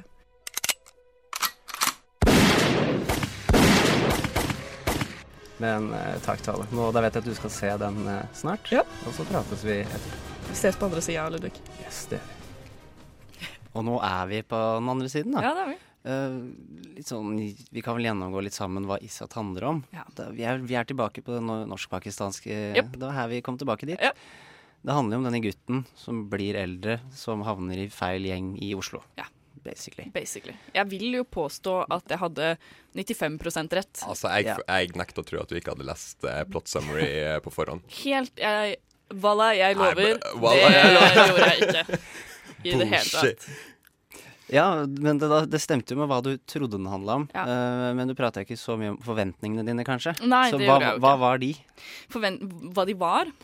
Ja, litt hva ja, det var. Ja, selvfølgelig, fordi det er forventninger. Mm. Uh, jeg hadde veldig lave forventninger, for å være ærlig. Eh, Så det er greit at du hadde det til den, men at jeg hadde Ja, det til det 31. jeg august, det var bare wow, Ja. wow, wow. Det vil jeg faktisk påstå. Uh, og jeg trodde liksom at det kom til å bli en sånn derre typisk eh, Ja, sånn som jeg sa da med det plottet, at det er liksom typisk sånn derre gangster-gritty eh, ut på gata-film. Og det er det jo. På mange måter. Ja. Og det høres ikke ut som det er din cup of tea at all. Eh, det kan veldig gjerne være det, så lenge det er godt utført, liksom. Men var den, Eh, var den mer eller mindre på den dramatiske siden enn du trodde? Ved mye mindre. Sånn uh, personlighetsdrama med Ja, Ja, eller altså sånn der, Alt var mye mindre enn det jeg trodde det var. Uh, det Jeg vil ikke Det var jo ikke litt spennende engang, liksom. I filmen i det hele tatt? Nei. Er deg? Men sånn, Sondre, har du sett den siden den kom i 2005? Ja. Ja. I hvert fall tre ganger. Når var var det sist du så den, liksom? Ja, 2013, kanskje. Hmm. Nei, OK, fordi at det var Jeg syns helt ærlig at det var helt krise. Men her snakker vi jo om liksom infal infantilstadiet liksom til, Altså, til sånn, OK pluss norske filmer, liksom. Jo, jo, men sånn derre Den hadde Jeg syns du undervurderer, undervurderer norsk film, egentlig, men uh, at uh, Den hadde flere ting som uh, gikk bra, liksom. Altså sånn uh, Ok, ok, ok. Hva var liksom ditt største problem og største høydepunkt? da? okay. Hvis vi kan ta hvis vi tar Polen her. OK, det største problemet uh, Det var flere problemer, men jeg tror det, det største problemet var um, skuespillprestasjonene til han som spiller hovedrollen. Uh, han heter Emil Varma og spiller rollen som Wasim, som er hovedkarakteren. Både prestasjonen hans og det at fordi når man lager film, hvis eh, jeg, det er noe jeg har lært nylig, eh, så må man ofte, eller alltid, dubbe over dialogen etterpå, ikke sant? Ja. I post. Og det, er, det var det dårligste jeg har sett noensinne. Liksom. Sånn der, det passa ikke, og det var spesielt med han. Men vet du hvorfor? Nei. Det er, det er faktisk sånn at han eh, var for dårlig i norsk, han skuespilleren. Å, han, har, han har bodd i England for lenge. Så du vet den voiceoveren? Ja. Det er Sahid Ali. Ko- Komikeren. Jeg vet, jeg, vet ikke om, jeg vet ikke om han er dubber jeg, vet ikke om, jeg vet ikke om han er dubber i, i livescenene, men han er hele Han er, det er Sahid Ali som er hele den voice-pratingen. Jeg tror det var samme som livescenene og Ja, da er det han da som kanskje Fordi jeg tenkte Jeg hadde en sånn litt følelse av ja, det, syns jeg at du det skal ikke passet. som slack, ass. Ja, men det visste jeg ikke, da. Men sånn er det. Visste dere ikke det? Nei. Det er, det er litt Fordi- fun fact om den filmen. Ja, ok, fordi greia var at uh, jeg tenkte at det var en liten sånn ubalanse mellom utseendet til han fyren og stemmen. Og så, noen ganger så er det jo bare sånn, men det var litt, eh, litt der er det jo ja, okay. Men det var jo litt rart at jeg ikke sto noe sted, for jeg leste ganske mange artikler. Ja, det er litt, eh, kanskje litt sånn som ha en ghostwriter, liksom. ikke sant? Ja, ok, Men da har jeg litt uh, større forståelse for det, i hvert fall. da, Men det funket fremdeles veldig dårlig. Det er derfor jeg syns castingen er bare rar generelt. Jeg vet ikke jeg, vet ikke om Ja, jeg men, vil det, ha han der, men det er litt sånn der når du skal lage en norsk film liksom, om norsk-pakistanere, det er sånn der som også skal Du må finne skuespillere. Det er jo ikke sånn at det er det største skuespillermiljøet du har å Nei, det er sant. Det er sant. pick and choose from, liksom. En, en annen ting jeg tenkte Fra på Oslo også. Litt, eh, litt som jeg skal snakke om mer om senere også, så ble jeg litt sånn ikke irritert, men litt, jeg satte litt sånn spørsmålstegn. Jeg vet ikke hvordan det er å vokse opp i et norsk-pakistansk miljø, men at alle snakket så mye norsk med hverandre hele tiden, når alle er Pakistan Jeg vet ikke, men sånn, de har jo vokst opp i Norge, da. Så det, da det, er jo det er mange av dem som gjør det. Er jo andre og Ja, tredje og fjerde generasjon. Bare, det var en sånn tanke Der er det litt hipp som bare popper poppet Ja, det, det, Okay. Men en ting som jeg likte, da, eller som jeg syntes var litt kult, uh, var at jeg la merke til soundtracket. Uh, så måtte jeg faktisk sjekke det, Fordi det var, det var ikke alt jeg hadde hørt før. Men hele soundtracket er Gjennomført ganske bra. Jo da, det, ja ja. Men hele soundtracket er bare norske band. Mm. Eh, og norsk musikk. Så det var jo kult å ha det, det i jeg- den settingen. Det tror jeg kanskje reflekteres i regissøren, han der eh, Ja. Imtias Rolfsen. Ja. Han, for han er, han er jo han er, han er jo blanding Ja, ikke sant? av norsk og pakistansk. Blanding. Han har jo gjort mye kult. Hele Han har jo lagd ting som er veldig bra i ettertid. Sånn han har jo regissert uh, Den siste revejakta, for eksempel, som jeg Mm. likte veldig godt. Uh, så har han jo også lagd en oppfølger til Isat, uh, som heter Haram. Og det er sånn Isat betyr jo eh, ære, fant jeg ut. Mm. Uten at ja, de liksom sånn. sier det i filmen. Eh, eller gjør det til en liksom greie. Og så er det jo på en måte Haram som blir vel den liksom skamdelen da, på en måte av Ære og skam. Ja. Så den har jeg jo egentlig veldig lyst til å eh, se. Så jeg ble jo litt sånn her intrigue, da. Så det vekket jo en eller annen greie. Og det, som også, det jeg også likte, eh, var at på en måte at den ble laget, hvis du skjønner hva jeg mener. Fordi det var den Det er jo en realitet som Ja, liksom så det er jo den første filmen som på en måte ordentlig portretterer det her gjengemiljøet, sånn Mm. i underground som begynte på 90-tallet, liksom, og ble en greie. Og sånn derre Sånn som han sier i den veldig kleine voiceoveren, at liksom de var en del av den gjengen før VG og Dagbladet liksom skjønte at det var et problem, da. Og det syns jeg jo Ja, ja, men det er jo en, en, ei faktisk greie Ja. da. ikke sant? Ja. Og det, det, det jeg tror jeg liker veldig godt med den sjøl, derfor jeg pressa den inn i din pile of shame, er jo for at det er jo den eneste Altså, til da så var jo Ja. det eneste norske krim-slash-gangsterfilmen som liksom virkelig visste litt realiteter med Ja, om på en måte det miljøet og sånn. Sånn Det var liksom ikke Døden på Oslo S, liksom, som bare er liksom sånn Jeg, jeg har inntrykk av at det er gjort en del research i forkant Ja, av eh, nettopp. Det, den, den virker liksom Jeg syns den virker genuin og virkelighetsnær, liksom. Altså Til tross Ja. for litt sånn litt kleine dialoger, kanskje, men sånn Ja, altså In general, sånn så Hvis jeg skulle Jeg kunne veldig gjerne tenkt meg å se en eh, remake av den, på en måte. Eller at han kanskje hadde venta litt med å lage den, hvis du skjønner. Til han kanskje hadde litt mer penger eller litt mer erfaring. Det er på den venteproblematikken igjen, som Ja. Sander også hadde i stad. Men på Eh, litt annet grunnlag kanskje for deg, da. Ja. Du vil ha liksom mer høybudsjetts, Ja, rett og slett. altså sånn, jeg tror det kunne utgangspunktet Men hadde ikke da bare bidd som cookie cutter? For greia er at det, det Ja. norske miljøet Det er ikke Scarface, liksom. Nei, men Det var ikke nødvendigvis det jeg ville ha heller, da. Jeg vil bare ha bedre skuespiller og bedre pro pro produksjon. Og at eh, Oslo ikke er helt gul, merka du det? Ja. Spesielt i starten av filmen. Sånn er det er veldig Ja, sånn det er- Det er merkelig ja, men det er jo gul og rød som er liksom de ene der eh, Ja, de, der bruker de fargetoner Ja. vel, veldig òg, til Ja, det ekstreme. det det er jo litt sånn, der, der tror jeg vi kanskje ser det tydeligste tegnet på litt sånn lav produksjon. Sånn. Ja, fordi fil filter, Ja, filter er liksom ja. En ting som jeg bare må nevne som jeg syns er uh, morsomt. Eh, det er en skuespiller som heter Asad Siddique, som vi har sett i Hotell Cæsar, blant annet. Han er eh, ganske kjent fjes, da. kanskje ikke man nødvendigvis vet navnet hans. Eh, men en norsk-pakistansk skuespiller. Og Ja, i den i Isat så spiller han bestekameraten til Wasim, eh, og de har liksom vokst opp sammen, og han er en av den kjernen da, i, den, i den gjengen. Og eh, står jo på sidelinja og ser på at eh, Wasim blir eh, sendt til Pakistan. eh, I likhet med Hva vil folk si, som vi snakket om tidligere i sendingen.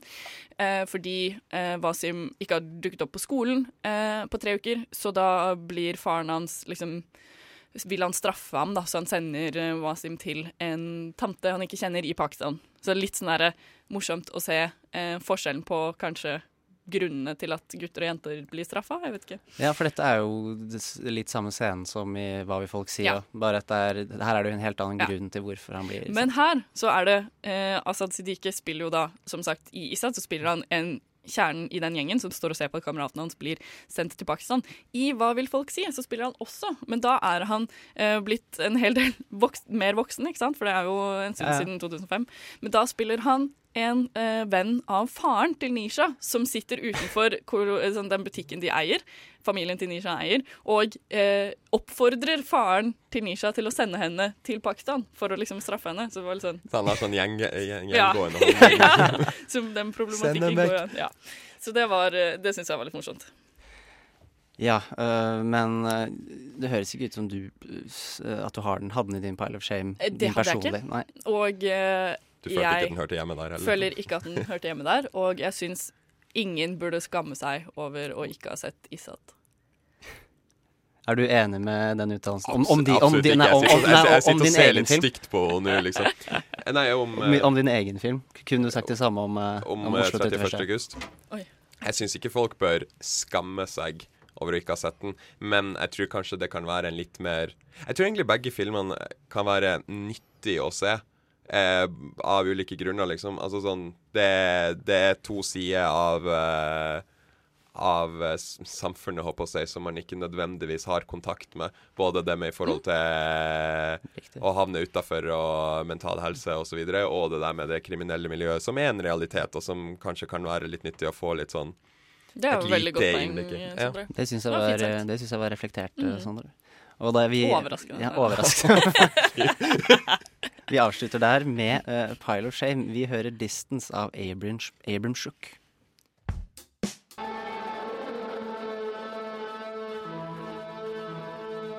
Abram Shook med 'Distance', og nå kommer en anmeldelse kanskje folk eh, gleder seg til, for det er anmeldelse av 'Snømannen'. Nova Noir presenterer ukens kinopremierer.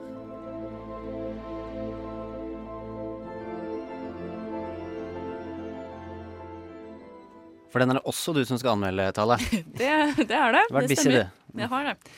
Så ta oss gjennom 'Snømannen'. Ja. Eh, Harry Hole blir nødt til å ta saken i egne hender når seriemorderen begynner å kontakte ham personlig.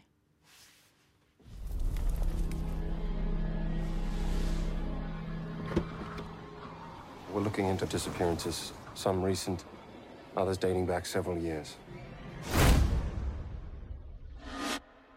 The pattern is disturbing. I transferred from missing persons. Harry Hole, We studied your cases at the academy.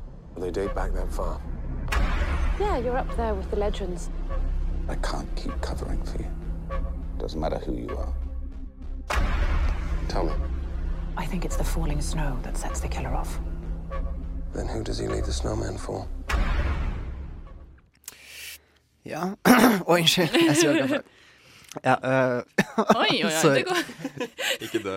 Nei, begynn ja. billig Tale. Ja. Eh, altså, det er jo eh, Thomas Alfredsson som eh, har regien på 'Snømannen'. Han er jo svensk, og har eh, tidligere så har han uh, Tinker Taylor, Soldier Spy og da, La den rette komme inn. Stemmer. Så dette er tredje landet han jobber i, tror jeg. Ja. Det, hvis man eh, Ja. Og jeg hadde mildt sagt ganske høye forventninger, for å være ærlig. Eh, jeg digger La den rette komme inn. Syns den er fantastisk bra. Eh, det synes jeg. Og jeg syns det var liksom lovende at det var eh, Alfredsson som skulle eh, stå for 'Snømannen', eh, som opplagt holdt på å si, er basert på Jo Nesbø-romanen med samme navn. Har du lest den? Jeg har ikke lest den. Nei, OK. Jeg føler liksom ikke egentlig at det burde ha så mye å si. Eh, annet enn sånn er, Som en regel så tror jeg man generelt liker filmen dårligere hvis den er basert på en bok du har lest. Men eh, man liksom, jeg syns vel egentlig at man burde. jeg føler det er sånn som den pretensiøse da sier, egentlig. Sånn, altså sånn for at de blir alltid Kaller du skuffa. meg en presen- Nei, nei, nei, nei, nei, nei, men altså, det, de alltid blir skuffa for at 'Å nei, boka var så ja, mye nei, bedre'. sånn, ja. ja. sånn, Jeg syns liksom man burde greie å skille Uh, de to mediene. ja. Ja. At man burde ta det som en film og som en bok, liksom. Det er jeg helt enig i. For jeg Um, har lest boken, ikke sett filmen. Ok, så, så, du har lest boken, ja. ja. Um, så det er jo Michael Fassbender som spiller Harry Hole, eller Harry Hole, som han så fint heter i, uh, i filmen. Og um, som vi vet altså sånn, Jeg visste jo det på en måte uten å ha lest boka, men det er veldig sånn der, typisk sånn eh, klisjé. Eh, politi, etterforsker, litt sånn avdanka, alkoholisert, gritty bleh. Sånn skal han egentlig være. Det får jo source materialet til å høres ganske ræva ut, egentlig, når du sier det på den måten. Ja, men det er jo litt der det er. Altså, jeg, jeg sier ikke at det er ræva, men sånn er det, det er jo blitt en litt sånn klisjé nå. Ja, og Michael Fassbender har fått en del sånne typer roller. Ja. Eller litt sånn, litt sånn uh, Fordi han er jo flink til å spille ekkel. Eh, Ja, det har vi sett ved, ved flere anledninger. Han kan jo være motbydelig hvis han vil det. Og um, jeg tror det er litt det som de prøvde å få han til å være her, uten at det liksom egentlig kommer så godt frem. Han er Um, ikke ekkel nok. Nei, Uh, han, de prøvde litt sånn halvhjerta i starten å liksom vise at han sånn har sovnet i et sånt lite skur på en sånn gravplass på vinteren fordi han liksom har drukket så mye, så bare våkner han der på morgenen og er sånn Og det var den mest hungover og sånn. han kunne våkne ja, ja. på. Ja, mm. Og han liksom øh, lunter inn på jobb, han har ikke lappen, må bli kjørt overalt av uh, Så du mener, om jeg forstår deg rett, at det er litt for få av sånne etablerende scener sånn der? De har bare gitt han én sånn, og så bare sender han ut i Ok, litt flere, da. Men Ja. samtidig så gir de han også uh, en sånn derre veldig sånn melankolsk, eh, dårlig opplyst, eller sånn der mye skygge scene foran vinduet, hvor han står i bar overkropp og liksom hater livet, og sånn hater seg selv og bla, bla, og så bare har han dritbra kropp, liksom. Men jeg Og føler det jeg er sånn- Michael Fassbender i alle filmene han er med Ja, jeg. sånn Litt melankolsk, ganske kjekk og bare står og liksom Ja, sånn men sånn, det er ikke Harry Hole, liksom. Fordi, For ja, fordi jeg tar jo Dette er bare jeg som synser, men han er liksom en eh, kanskje en litt for attraktiv mann til å spille Ja. Harry Hole. I hvert fall den Harry Holen som jeg Den beskrivelsen du får i boka. Skulle egentlig hatt Mickey Rourke, liksom. Ja, den, eh, ja, det er, er kanskje litt for ille igjen. Eh, det hadde vært. Men ja, så det er jo ehm, sånn klassisk um, katt og mus, seriemorder, politibetjent-type oppbygning, uh, hvor uh, seriemorderen liksom tror han er smartere enn det han er, leker med politiet og gir uh, Harry et sånn personlige beskjeder og litt sånn. Da, Ja, og driver og og hinter og og- legger og liksom teaser de litt og, eh, og litt Ja, det er sånn. en sånn, det er en sånn fetisjmorder som liksom har litt lyst til å bli tatt. Ja, på en måte, eh, ikke sant? Ja, men. Sånn som alle seriemordere som Ja. lesbianes, da. Men Uh, og så er det litt sånn uh, Jeg vet ikke om det kanskje bare var jeg som fulgte dårlig med, eller ikke. Jeg tror vel at det kanskje var litt dårlig um, Holdt på å si formulert, men altså sånn uh, lagt frem da i filmen. Men jeg skjønte ikke helt hvorfor han seriemorderen liksom akkurat var ute etter Harry Hole, på en måte. Eller sånn det var han han ville at skulle ferske ham på en eller annen måte. Uh, og jeg skjønner liksom ikke Ja, men det, det, det gikk vel kanskje Bare ut ifra traileren så hører du jo det der at bare at å shit, du har i hole, liksom. Å ja, vi har lest om deg fra Ja, før. At jo, det kanskje okay, liksom ja. Han er the ultimate price og klarer å, å lure rundt, liksom. Ja, det tror jeg. Ja. Men det du kommer, sier det, ja, så men det tror jeg kommer kanskje kanskje- ikke så bra across, liksom. Det, det er liksom sånn man må Å ja, ja, OK, kanskje Mm. det, ja. Ja. Det høres Ja. Ja, Men det var- Men jeg syntes det, jeg syntes det hørtes ut som den litt kleine delen av traileren anyway. Ja. Da. Det var litt sånn Og så bare Oh, it's personal! Ja. Men det er noen norske innslag her, og er ikke Jakob Oftebro med? Jakob Oftebro er med og spiller en sånn derre søt, uskyldig eh, politibetjent som liksom egentlig er litt keen på hun med partneren til eh, Harry, da. Eh, og Good luck, though. Ja. Nei, men eh, han er ikke så veldig mye med og gjør veldig lite ut av seg. Eh, men jeg bare Jeg kan ikke komme rundt det, og, eller komme over det, men det var for merkelig å se um, Oslo og eh, Michael Fassbender, og at liksom det ble en sånn derre krasj, da, fordi de absolutt ville ha det i Norge, men alle snakker engelsk. Og det bare det Og navnene er norske. og navnene er norske, og, det bare sånn, og de sier hele tiden Eller sånn, de bekrefter hele tiden at de er norske, alle sammen, liksom.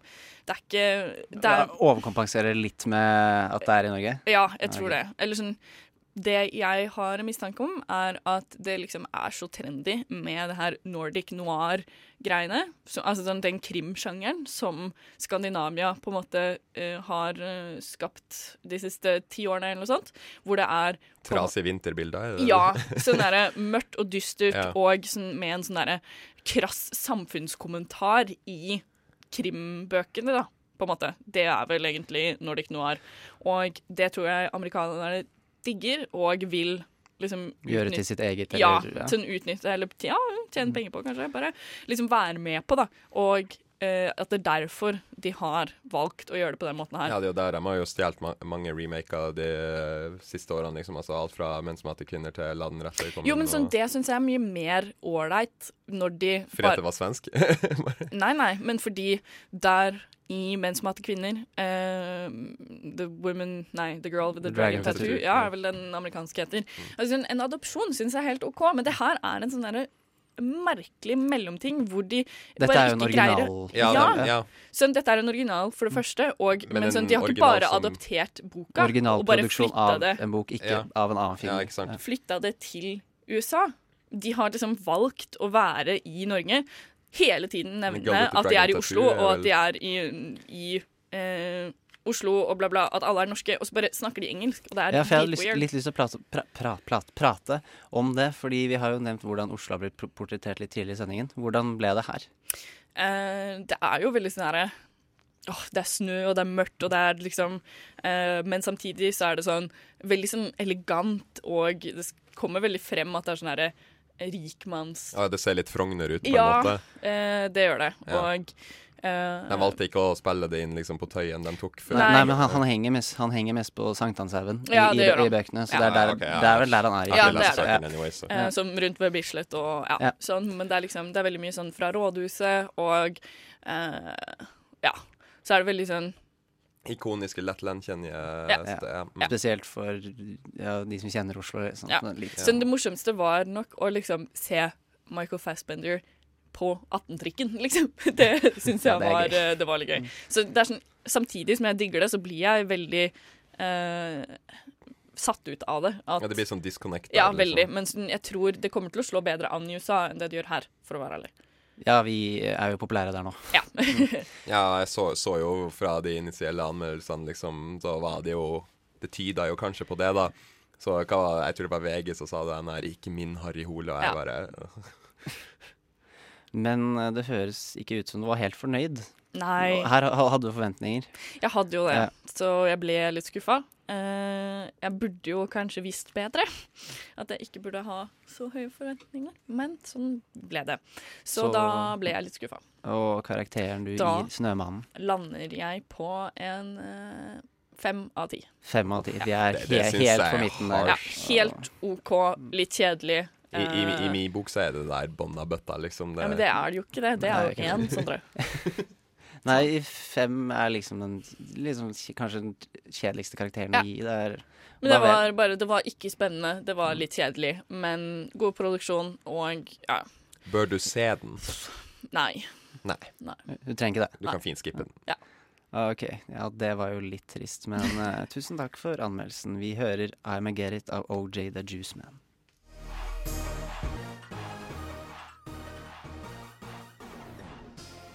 I'm a Get It av OJ The Juice Man. Eh, før sangen så ga uh, oss en anmeldelse av Snømannen. Det var jo ikke så hyggelig karakter vi fikk der. Nei. Eh, men 'Snømann' er jo et eksempel på en film som er anglofisert. Det er mulig jeg har funnet på et ord der, men det betyr fort Nei, det at, at Nei, jeg tror ikke jeg heller. Uh, det er at uh, filmen er satt eller handler om mennesker som egentlig prater et språk, men så er den gjort om til engelsk. Ja.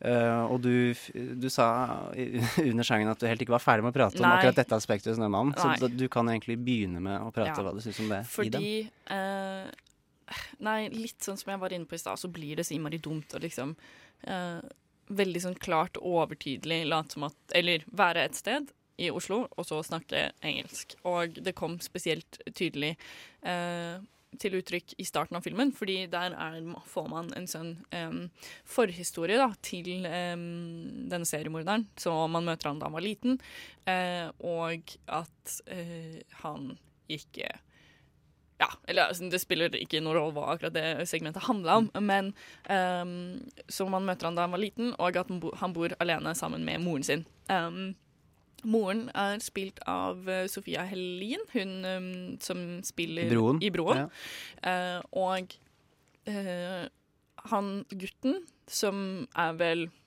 typ 12-13 år eller noe sånt, uh, er ganske åpenbart norsk av en eller annen rar Og- grunn. Oi, så vi snakker aksent her, da? Ja, veldig. Altså sånn, han kunne jo ikke engelsk, nesten. Eller jo, han kunne jo det, men sånn, det var altså- kjempedårlig.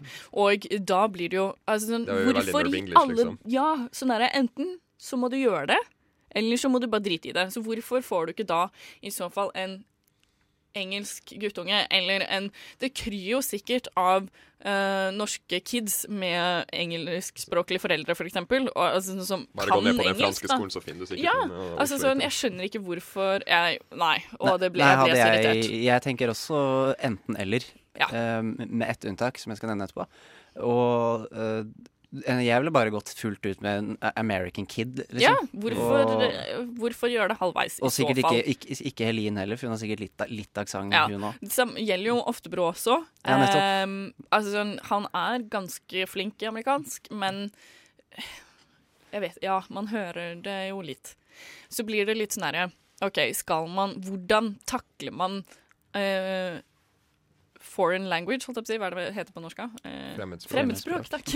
Eh, I Apropos. film. Altså sånn, det blir jo veldig eh, Selvfølgelig fra Hollywood, da, som er amerikansk. Hvordan takler Hollywood-filmer fremmedspråk? Og sånn, da er det jo forskjellige måter man ofte gjør det på. At enten så blir de sånn Chewbacca-aktig, eller sånn Lassie, som at de snakker på språket sitt, og så kan alle rundt forstå det språket, men de velger å svare på Engelsk, engelsk. ja. Mm. Og da velger også å svare veldig sånn herre utfyllende, med sånn veldig fullstendige setninger, sånn at publikum skjønner hva den personen som ble sagt, ja. Hva som ble Få sagt. det inn med teskje. Ja. Det er kanskje en liten digresjon, men jeg syns en film eh, som er lagd av nylig, i hvert fall, eh, som Eller ikke så nylig, hva er det jeg sier. Men 'Inglorious Bastards' Ja. av Quentin Tarantino, den syns jeg håndterer fremmedspråk Ja. kjempeelegant. Eh, Ikke bare liker jeg filmen, jeg Mm. elsker hvordan de har ordna det. Ja. Fordi jeg har ikke noe imot at det prates fransk i ti minutter i strekk hvis det er tekst under og halv tysk. Ja, den gule teksten som Ja. er sånn. Ja, ja. Men det er jo det som er problemet til amerikanerne. At de ikke vil egentlig ha den teksten. Det er derfor jeg tror det ofte blir eh, Ja, men da må de sånn her, lese, vet du. Ja, men sånn er det at liksom når det foregår i Tyskland, da. At Ja. de liksom snakker engelsk med sånn tysk aksent. Det er flaut, det. det er det det, er når det alle har sånn litt rar aksent. Ja. Det er jo det Jeg syns jo Schindlers liste er en veldig fantastisk film, Mm. uh, men den er jo, lider jo litt grann med det at eh, alle har en sånn litt aksent, og det er enten tysk eller polakk. Ja. Eh, I den filmen ville jeg gjort det sånn at eh, siden Schindler er tysk, Mm. så ville jeg gjort alle tyske karakterer prate perfekt engelsk, for da vet vi at det er tysk som er Ja, engelsk. Og polakkene hadde hatt en Ja, aksent. Litt- litt det hadde jo ja. gått an. Ja, for at det er, du mener at de er for close til at det Nei, alle har aksent. Ja. Så- Eller jeg tror, jeg tror faktisk ikke Liam Neeson, som er Schindler, har aksent. Han er liksom eneste som prater engelsk. Ja, men det funker jo ikke heller. Nei, Nei, men altså sånn, fordi at jeg tror det er det det kommer av, da. At, fordi at man skal liksom Det blir på en måte en sånn del av karakteren når de har aksent, for å da At de snakker engelsk da, med aksenten de, de liksom kommer fra, sånn for eksempel Tyskland, eller sånn hvis man adopterer en eh, russisk roman, sånn at liksom alt foregår i Moskva, men at de har aksent. At det er sånn herre vi må vise at vi faktisk er her vi er, og at dette, denne karakteren er russisk, men du må forstå hva den sier. Men de har jo en tendens til, å ikke bare med aksent, så har de jo kanskje en tendens til å slenge inn litt sånne kulturelle tokens på en Mm. måte for å vise at uh, det her er her vi er. Selv om vi snakker engelsk, så er vi her. Men ap apropos russisk, Mm. har noen av dere to sett The Hunt for Red October? Eh, Fra Ja, 90, men ubåtfilmen. for lenge siden. Det er sånn typisk film som går klokka halv ett på Ja. TV, Norge. Men den liker jeg eh, ganske godt. Og der er det en ting som skjer på starten. Du prata i stad om at uh, å blande språk er litt fy-fy, og det syns jeg òg. Men uh, i starten av den filmen så prater alle på ubåten russisk. Sean Connery prater russisk. Oi. Han, han prater sikkert dårlig russisk, Ja, men, men det er Men det hører russisk. jo ikke vi, så vi kan- nei, nettopp. Og, men det er russisk med tekst. Uh, og så er det en sekvens der før vi introduserer amerikanerne, hvor eh, Sean Connery og en av generalene hans eh, Sean Connery leser et brev høyt, eller en av generalene hans. Så zoomer de inn på han, helt inn på munnen hans, og så plutselig, midt i brevet, så legger han om til perfekt engelsk. Oi. Og så går det ut igjen. Det Det jeg er er jo egentlig Det var en litt elegant, Ja, det er en jævlig smooth eh, transition, og den elsker jeg. Og den er altså sånn, der prater Sean Connery med aksent når han prater med CIA og sånn. Mm. Når han prater med amerikanere, har han aksent, og så prater han perfekt engelsk med russerne. Ah, ja. Og det er sånn, For da har han etablert at Ja. hans perfekte engelsk er russisk, Aha. og så kan han engelsk med aksent når han prater med andre. Det er Men den transition er kjempebra. Den er verdt å se i, alene, Ja. liksom. Det varer ett minutt. Morsomt. Men hvordan gjøre det Red October voice Ja. transition. bare. Ja. Men for å sånn, oftest når man ser aksent på- i amerikansk film, da, så er det jo eh, egentlig ganske berettiga. Altså at handlingen foregår i Amerika. For eksempel, altså sånn i Sophie's Choice, da, så er det jo um, Jeg vet ikke om noen har sett den? Ja. Mm, så er det jo uh, Meryl Streep som spiller en uh, polsk Uh, ja, jeg tror hun er polsk, men hun snakker jo tysk Ja, hun også. snakker tysk. Hun så- snakker ja. tysk med Men soldatene. sånn, fordi der har hun etter hvert flyttet til Amerika, og egentlig handlingen foregår veldig mye i Amerika. Og da har hun jo selvfølgelig aksent, og den er veldig bra, da, eh, når det er sagt. Men så får man liksom tilbakeblikk, eh, hvor hun da snakker ut fra mitt øre, i hvert fall, perfekt tysk i liksom en del av filmen. Og det er også veldig ålreit når de faktisk gjør det sånn at hun snakker ordentlig tysk når de skal være i Når det er tilbakeblikkene ja. og sånn. Ja, men jeg, jeg føler uansett at når ting foregår i USA, så er det jo helt greit at Ja, ja. de slenger på de her skikkelig siden det er bare en kulturell crackpot. ja. Ja, ja, men altså, siden USA bare er mishmosha av masse kulturer anyways, liksom. Mm. Altså, du bare å se på alle gangsterfilmer som foregår i Boston, liksom, så høres de jo irske ut, eller slenger inn noe italiensk hvis det er i New York, liksom. Mm. Og en av de største problemene som uh, du hinta litt til i Snømann-anmeldelsen, er navn. Uttalelse Ja. av navn. Ja. Og spesielt Norge er et ganske dårlig For vi har jo en ekstremt annen måte å prate på enn engelsk, så navnene våre blir jo ganske rare som regel. Og kan jeg spørre om en ting, da? Eh, fordi jeg vet ikke om Det virket litt som at jeg hadde tatt alle navnene fra, eh, fra boka, men jeg syns dette var et veldig rart navn. Jeg har aldri hørt den navnet før. Men altså, sønnen til lest kjæresten den, men ja, ok. Okay. Sønnen til kjæresten til Harry Hole heter visst Oleg. Oleg Det er et russisk navn, tror jeg. Ja, det er russisk, ja. Ok. Men heter han Oleg? Men uh, kom, Hus- jeg, jeg, jeg, husker ikke om det kommer, jeg husker ikke om han heter det engang, eller om det kommer frem at han er innvandrer. Nei, ja, nei, nei. Eller ah, nei. Men når Fordi- du sier det, så kan de jo liksom Det, Det kan være hinta til at de har liksom mørke trekk og sånn. Det er jo et østeuropeisk navn. Ja. Og det er jo litt lettere å si på engelsk. Ja, kanskje, Jeg tenker for det mer blir sånn, liksom det blir så rart når det heter Harold og Ja. Harry Ja. Hole. Ja, det syns jeg var litt rart, Fordi det slo meg ikke som et norsk navn. Og da ble jeg litt sånn OK, nå går sikkert de rundt og tror at det er et norsk navn. Jeg vet ikke. Nei. Nei, det jeg, jeg, tror, jeg, tror ikke, jeg tror ikke de er eh, Jo, kanskje, kanskje jeg overvurderer amerikanerne. At de ikke Men eh, ja, også Men f vi kan prate litt om fiktive aksenter òg, da. For nå har vi egentlig bare pratet om at folk spiller mennesker fra ekte steder. Men et sted med hvor aksenter klasjer helt, er jo Game of Thrones-universet. Ja, det er morsomt. Der er- men der er det sånn I Fantasy så føler man du kutter litt slack, fordi nå er vi et fake sted, så da kan man gjøre jeg, som man vil. men jeg føler faktisk der at aksentene kan knyttes litt til hvordan den virkelige verden er lagt opp, da. Altså bare se på uh, altså de uh, O'Brien og alle de der liksom Mm. som der kommer fra et litt sånn sandy sted og sånn der, og det med en gang høres de ut som de er fra Midtøsten, liksom. Mm.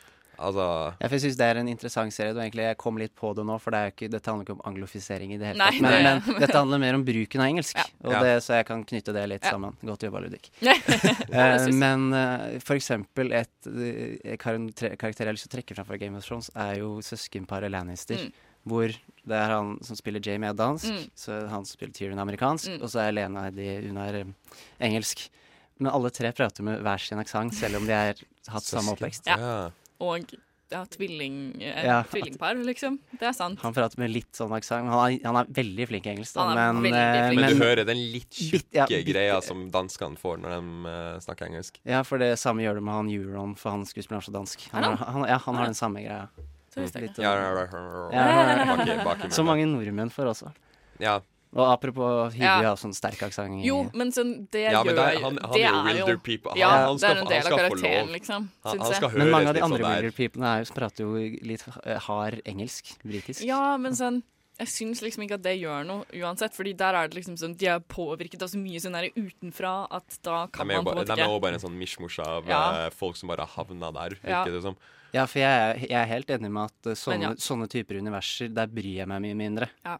Det er liksom ikke så farlig når alt kommer til alt. Jeg tror- jeg tror Så er det jo gøy, og da siden de har liksom sitt eget språk. uh, Ja, ikke sant. Det, det er ikke sikkert at sånn. det er engelsk de snakker heller, på en måte. Når, altså, sånn, det er bare sånn Nei, de, de, jeg, jeg vet ikke om de kaller eh, språket sitt noe Nei. noen gang. Nei, ikke sant, så derfor kan man jo egentlig bare gjøre det til det man har lyst til å gjøre det til. Ja. I og for seg. Hmm. Mm. Ja, altså sånn, ja, ja, men altså for å tilgi på en måte Mm. det mishmosha av aksenter og sånn der, så trenger det ikke å være Det er ikke engelsk på en måte nødvendigvis. Eller skjønner du den stretchen jeg prøver å lage her? Jeg skjønner ja, jeg, jeg, vet, jeg vet hvor du vil hen. Ja. Uh, dette er jo engelsk for å uh, Bare for the sake av Ja. at det skal være en populær serie. Altså, Du kan si det samme om Ringenes herre òg. Ja. Liksom, hvem som prater hvilken dialekt, er ikke farlig. ja. Jeg gikk jo veldig lenge og trodde at Elijah Wood var britisk. Bare sånn, Ja, han, han- snakker han- liksom jeg har inntrykk av han Men det er prater ganske bra britisk. Ja. Ja. men det er en sånn mellomting han gjør i, uh, i Han Ringenes herre. Sam er også amerikansk. Ja, ikke sant? De har sånn litt sånn Ja, ja, men de- Ja, men jeg fikk ja, men helt det, det bakoversveis da jeg fant ut at Elijah Wood var uh, amerikansk. Så, Men- så bakoversveis fikk jeg ikke, men Det jeg. Nei, det er mm, apropos, og bare shout-out til uh, nye favoritt-homeboyen min, uh, Daniel Radcliffe, er ekstremt god i amerikansk. Det er veldig gøy. Er det din Ja, favoritt-homeboy? Ja, i for tiden så er det det. Ja, takk for, takk for diskusjonen. Det var Jo, hyggelig, takk selv, hyggeligere enn jeg trodde, faktisk. uh, vi du hører... er hører alltid krangling når jeg er her, skjønner ikke Ja, lite grann. Lite grann. Dere, dere to er ganske meningsstyrte. Jeg kan Tale er kjempeglad i hverandre. Ja, vi er alle glad i hverandre, egentlig. Vi hører 'Erase the Tapes' av Wessels John Grant. Du lytter til Radio Nova.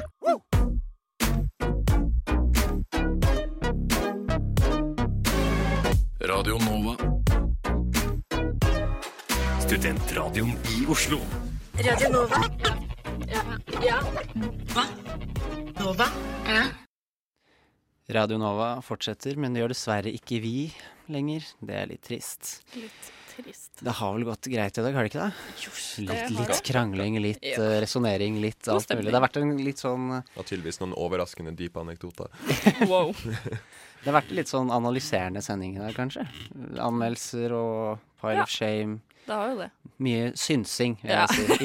Ja, men synsing er det mest koselige å ha, da, syns jeg. Ja, ja, det er veldig gøy. ja. Jeg ble, jeg ble veldig i godt humør av å være her. Det var så hyggelig. Du som hadde forventning om at jeg og du bare skulle hate Ja. hverandre etter i dag. Ja, trodde egentlig det. Men har- ja. jeg ble positivt overrasket. Ja, vi har eh, Jeg har både skrytt eh, og kjefta på annen ting eh, all Matrix i dag. uh, fortsatt litt uh, bitter for det. Ja, det- uh, ja. Eh, du har anmeldt to filmer.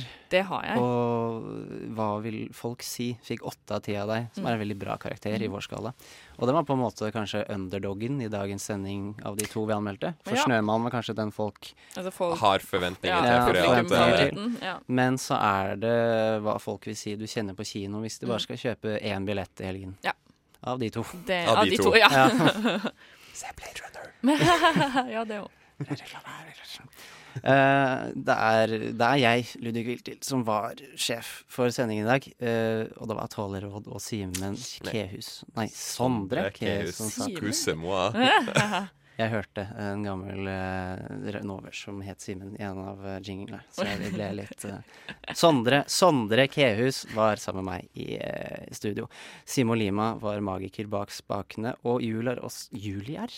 Julie Oskar Andersen anbefalte filmen 'Brazil' av Terry Gilliam for oss. Den kan du også gå og se hvis du ikke, har, ikke vil gå på kino, eller Ja. kanskje ikke har råd. Bare hold deg hjemme. Jep. Lite tips eh, angående den er at hele soundtracket, som er veldig bra, ligger på Spotify eh, på det al altså til Brazil. Det er et fantastisk soundtrack. Ja, og eh, som et spor inne på Spotify så ligger det også et ganske omfattende intervju med Terry Gilliam om Brazil. Det er verdt, eh, verdt en lytt.